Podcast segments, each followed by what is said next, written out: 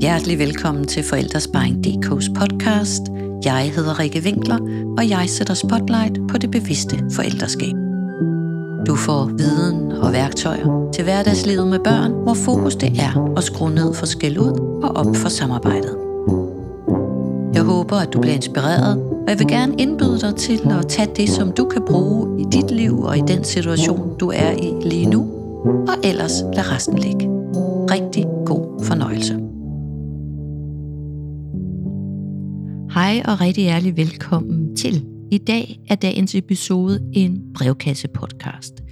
Det er nummer to gang, jeg laver sådan en brevkasse-podcast ud fra en idé om at få lidt øh, interaktion med jer, der lytter med.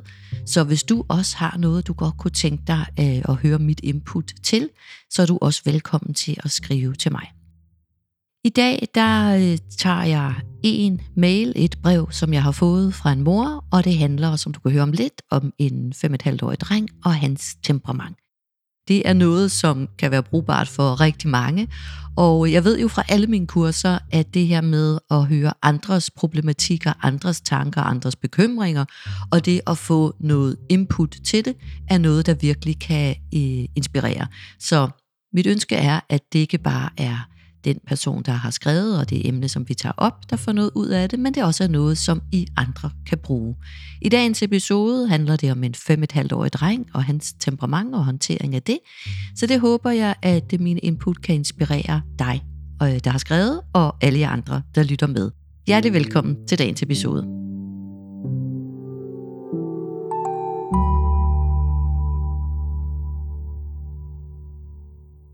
Hej Rikke. Først og fremmest tak for din store hjælp. Jeg lytter til din podcast, og jeg får masser af inspiration og viden, og jeg elsker din tilgang og dine påmindelser om, at man er en god nok forælder, som den man er. Tak for de ord. Nu til mit spørgsmål. Min søn er fem et halvt år. Han er delebarn og har været det siden han var halvandet. Han er sammen med sin far hver anden weekend, og far han går mest ind for det gamle barnesyn med straf og trusler og konsekvenser. Det gjorde jeg desværre også de første år af hans liv, men jeg har siden han var tre år forsøgt at ændre min tilgang. Jeg sætter stadig kærlige grænser, men forsøger at gøre det på den her anerkendende og kærlige måde. Jeg har læst meget op på børneopdragelse og børnesyn og har selv mange traumer i bagagen, som jeg ikke ønsker at give videre. Min søn har nogle voldsomme temperamentsproblemer med udadreagerende opførsel, også over i børnehaven. Jeg har en god dialog med dem om det.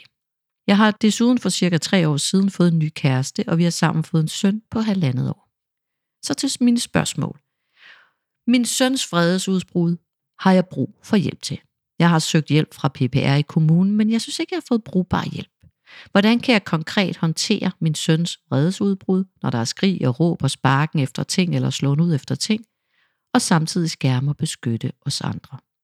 Hvordan skal jeg håndtere, når børnehaven beretter om udreagerende opførsel, nogen siger, at jeg skal drøfte det med min dreng, når vi kommer hjem. Nogen mener, at jeg skal skælde ud og straffe, og nogen mener, at jeg bare skal lade det ligge og lade børnehaven klare det. Jeg håber, at du kan hjælpe mig med nogle svar.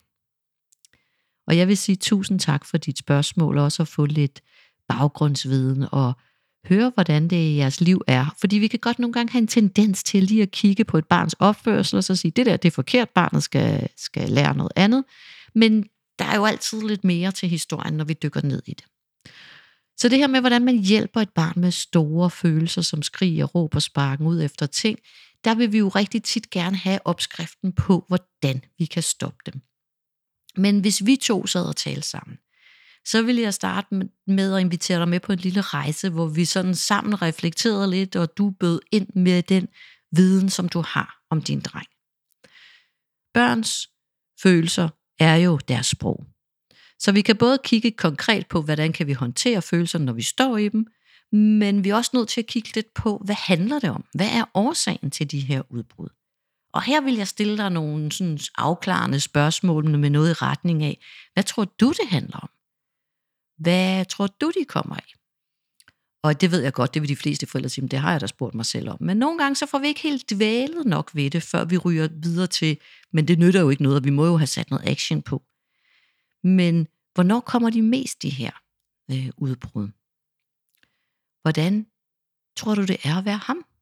Sådan, så vi bruger sådan vores nysgerrighed på at sådan prøve at dissekere det her lidt og åbne lidt op. Hvis jeg spurgte dig om nogle af de her ting, så ville du jo komme med nogle svar til mig. Så ville du måske sige noget med, at det, han har faktisk lidt svært ved at få kammerater over i børnehaven. Eller måske ville du sige, øhm, han har det faktisk lidt svært, når hans bedste ven ikke er der. Så ved han ikke rigtig, hvem man skal lege med. Så kunne det give os et, et indblik i, at der er noget i relationerne, der bliver svært, når han er over i børnehaven. Det kunne også være, at du vil opdage, at det er faktisk særligt svært for ham på de dage, hvor han skifter mellem de to hjem, mellem mor og far. Eller det kan også være, at du vil opdage, at det, eller det blev tydeligt for dig, at han fik begyndt at få mange flere af de her udbrud, dengang han blev storbror. Og hvorfor er det her vigtigt, før vi gør noget andet? Altså det er ikke så nødvendigvis vigtigt, før vi gør noget andet, fordi vi kan godt hjælpe med følelserne, uden vi præcis ved altid helt, hvad de handler om. Kan vi godt lave noget følelsesmæssigt førstehjælp. Men det her med at blive nysgerrig, det er et af de helt store skift i barnesynet og forståelsen af børn. Det er baseret på helt faktuel forskningsbaseret viden omkring børns udvikling og hvordan det påvirker deres opførsel. Vi kan jo godt kigge på børn og sige, at den der opførsel er forkert. Vi kan straffe den, sådan som man har gjort i gamle dage. Men at få en straf, som for eksempel at iPad'en bliver taget, eller man bliver sendt en tur ind på værelset, når man kommer hjem fra børnehaven, det giver jo ikke en skills. Det giver jo ikke barnet skills til at håndtere de ting, som man ikke kan finde ud af i de situationer, man står med for eksempel sine kammerater øh, over i børnehaven. Eller håndtere de følelser, der sker inde i en, når man er en femårig dreng, der måske skal navigere i to meget forskellige verdener hos mor eller far. Så første step vil jeg sige til dig, det er nysgerrigheden og indlevelsen i at være ham. Prøv at leve dig ind i, hvordan det er at være ham. Når vi kan det, prøv at forestille os, hvordan det er at være ham, så får vi en kæmpe indsigt, de fleste af os gør, som vi kan bruge til at hjælpe vores børn. Du spørger blandt andet, hvordan du skal håndtere det, når børnehaven fortæller om udadreagerende opførsel. For det første så vil jeg sige, husk at spørge børnehaven, hvordan de håndterer det, og hvordan de hjælper ham, og hvad de har set, det handler om. Så det ikke bare bliver en, dit barn har slået i dag, besked, du går derfra med, og måske en tom fornemmelse, eller en knude i maven, eller en trykken for brystet af ked af det hed, over at du ikke ved, hvad du skal gøre, og hvad det egentlig handler om. Som forældre ved man jo ikke præcis, hvad der er sket, når ikke man har været der, og man kan ikke styre det, når man ikke er der. Det her med at gå hjem og tale med børnene bagefter, og så tro, at de dagen efter kan opføre sig på en anderledes måde, det holder ikke med mindre børn. Så samarbejdet er utrolig vigtigt. Børn ved jo godt, at de ikke må slå. Så det der med at bare sige, jeg vil ikke have, at du slår. Er du med på den? Har du forstået det? Det kan han jo ikke bruge, fordi det ender med, at han står i nogle situationer, hvor han slår ud, fordi det, der sker, er noget, han ikke kan håndtere. Han bliver presset, han bliver vred, han bliver såret, øh, han ryger i reaktion. Så tale med et barn bagefter, på en måde, hvor de rent faktisk kommer til at kunne lære noget af det, og lære sig selv bedre at kende. Det kunne lyde noget i retning af, du blev vist uvenner med Malte i dag, var? Hvad må det egentlig var, der skete? Sådan så du får sat scenen til at lytte til ham. Måske vil din dreng sige noget som, Malte sagde, jeg var dum, eller det var fordi Malte sagde, at min far var en tyv, eller noget, som vi simpelthen bare ingen idé har om, hvad der kan være, og hvad der måske har udløst hans reaktion. Betyder det så, at man må slå? Nej, det gør det selvfølgelig ikke, men det åbner døren for, at vi kan tale og give vores barn et safe space til at få hjælp til det, der har været svært for dem. Vi kan måske sige, wow, det kan jeg godt høre. Det må virkelig have været svært at stå der og høre på. Faktisk så svært, at du kom til at slå ud. Var det sådan, det var? Så ser vi vores barn i det bedste lys, og som en, der har gjort det allerbedste, han kunne i lige den situation, han var der. Mange voksne mennesker synes ikke, at børn fortjener at blive set i deres bedste lys, når de har opført sig skidt. Men det er da nemt nok at blive set i sit gode lys, når man har opført sig pænt. Det er, når man er presset, at man har ekstra brug for de kærlige øjne, der ser på en og kan hjælpe en. Og hør her, børn som voksne gør jo altid det bedste, de kan. Når voksne har råbt op og fået dårlig samvittighed bagefter, så er det jo ikke fordi, de ikke ved, at det er mest smart at tale på en pæn måde til ens barn, men de var presset, de kom til at råbe op. Lige i det splitsekund gjorde de det allerbedste, de kunne. Hvis de kunne gøre noget andet, så havde de gjort det. Så det at blive set på som en, der rent faktisk har gjort det bedste, man kunne, også selvom det ikke var særlig hensigtsmæssigt, det man gjorde, det skaber tillid. Så tilbage til snakken. Når vi har skabt rummet og sat scenen for, at vores barn kan blive set, så kan man stille de næste spørgsmål, og måske kan man sige noget i retning af, hmm, men man, man, man må jo så alligevel ikke slå, heller ikke selvom man lige synes, det var lidt svært. Hvad tror du, du kan gøre for at huske på det? Eller hvad tror du, du kan gøre i stedet for en anden gang? Her kan man jo både lytte, men også en gang komme med forslag. Det er jo ikke sådan, de skal jo ikke føle sig som palle alene i verden, der ikke kan få noget hjælp. Vi kan sagtens byde ind med nogle forslag, men det allervigtigste, det er lyt, lyt, lyt. Fordi ellers så ryger vi ind i, det kan jeg godt sige, der vil ikke have, at du slår. Det du skal gøre, det er, at du skal hente en voksen, eller det du skal gøre, det er, at du skal sætte dig ned og sætte dig på dine hænder. Altså du ved, så giver vi dem totale konkrete anvisninger, som de rent faktisk ikke kan bruge, når de står i situationen, fordi rigtig meget, og helt faktuelt, så handler det her jo også om impulskontrol. Og kunne nå at stanse sine impulser, inden de løber afsted med en. Og det er, når man er fem et halvt år, under udvikling, og det er under opbygning. Så det er en stor del af det, impulskontrollen. Men så handler det også om at kunne nå at bruge sit sprog. Så man kan sige til kammeraten, jeg kan ikke lide, når du siger sådan der til mig, så vil jeg ikke lege med dig. Jeg går lige. Altså det kræver ret meget at kunne det. For mange voksne er den del faktisk også lidt svær. Forudsætning for, at man kan sætte ord på sig selv og bremse sine impulser, det er to kæmpe store ting, der er afgørende for, at børn har de her kæmpe store vredesudbrud.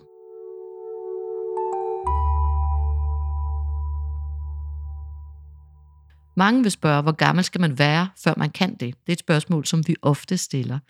Og øh, det er forståeligt nok. Men hvis vi skal kigge lidt på sproget, så kan jeg fortælle, at en af vores tids største øh, førende udviklingspsykologer, Gordon Neufeld, han siger, at evnen til at sætte ord på sine følelser og sig selv, det er en udviklingsproces, der starter i 5-7 årsalderen.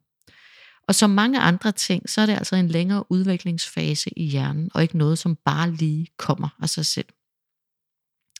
Processen starter i 5-7 års alderen. Altså det der med at kunne registrere, det er det her, der sker i mig, det er det, det gør ved mig, og så have ord for det. Nogle gange så bliver vi sådan lidt, øh, kan vi godt synes, at vores børn har et godt sprog, men der er forskel på et godt dagligdags sprog, og så have et sprog for sine følelser. Det kommer ikke af sig selv, det kommer fordi man har voksne, der hjælper en og lyser vejen op til, hvad det er, der sker i en. Og det er derfor den her børnecoachende façon, som jeg siger til dig, der har skrevet brevet her, hvordan du kan tale med dit barn, når han kommer hjem, det er rent faktisk en måde til at støtte børns udvikling på, så de bliver klogere på sig selv. Hvad skete der? Hvad gjorde du så? Hvad kan du ellers gøre? Hvordan virkede det? Det er den her type spørgsmål, vi kan begynde at bruge. Det åbner døren til den spæde refleksion over sine egne handlinger, men også til at forstå sig selv. Det bygger stier og broer i hjernen til at få skabt nogle læringsstier og gå af ind i en selv. Alt det, det lærer man ikke, hvis man blot får en straf eller bliver smidt ind på værelset.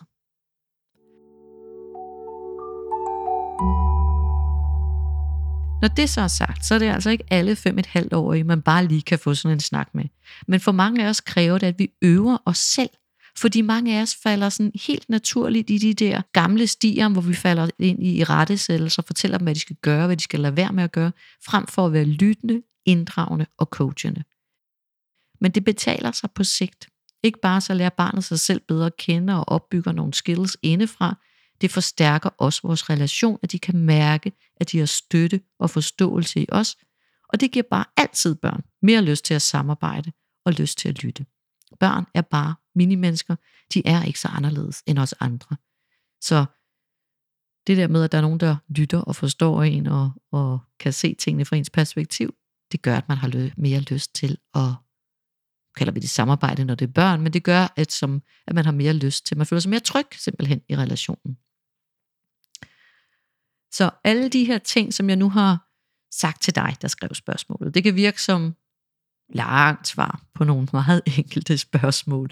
Men, jeg, men jeg synes, de var vigtige at sige til dig og til andre, der lytter med, for sådan at kunne få mange flere nuancer på, og se vores barn i det bedste lys. At når en femårig halv dreng får temperaments, eller har temperaments øh, issues, så er det altså ikke et unormalt fem et halvt årig barn, fordi at det er øh, det handler om den her udviklingsproces med, med modenhed og sprog og kunne tøjle sine impulser.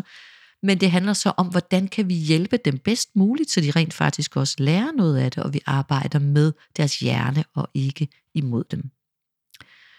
Og så er der det gode spørgsmål, hvordan håndterer vi de store følelser, når de raser? Og her kunne jeg simpelthen godt tænke mig at invitere dig og andre, der lytter med, over til en anden podcast episode, så jeg ikke skal gentage alt det, som jeg siger i episode 18, hvor, øh, som hedder, når du ikke kan trænge igennem til dit barn. Fordi her i den episode 18, der fortæller jeg om stuetagehjernen og førstesalshjernen, som sådan forenklet sagt lidt er tanken og fornuften. For når børn er i de store følelser, så kan det ikke nytte noget at tale til deres fornuft. Den er simpelthen ikke tilgængelig.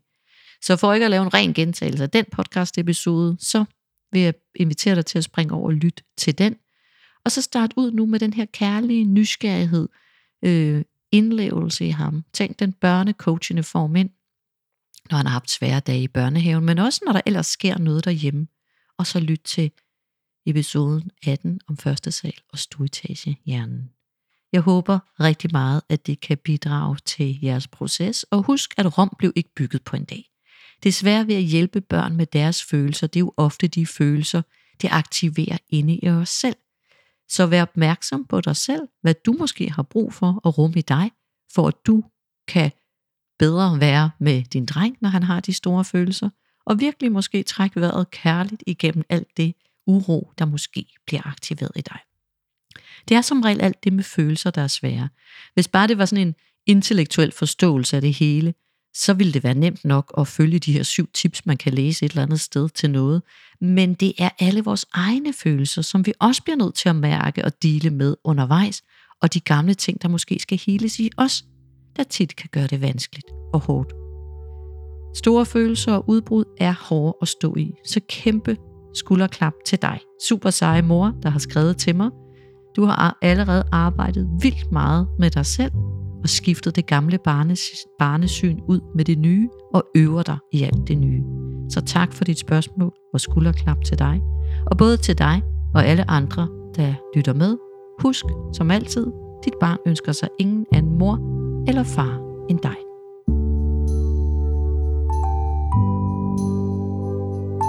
Du har lyttet til podcasten Forældresparing.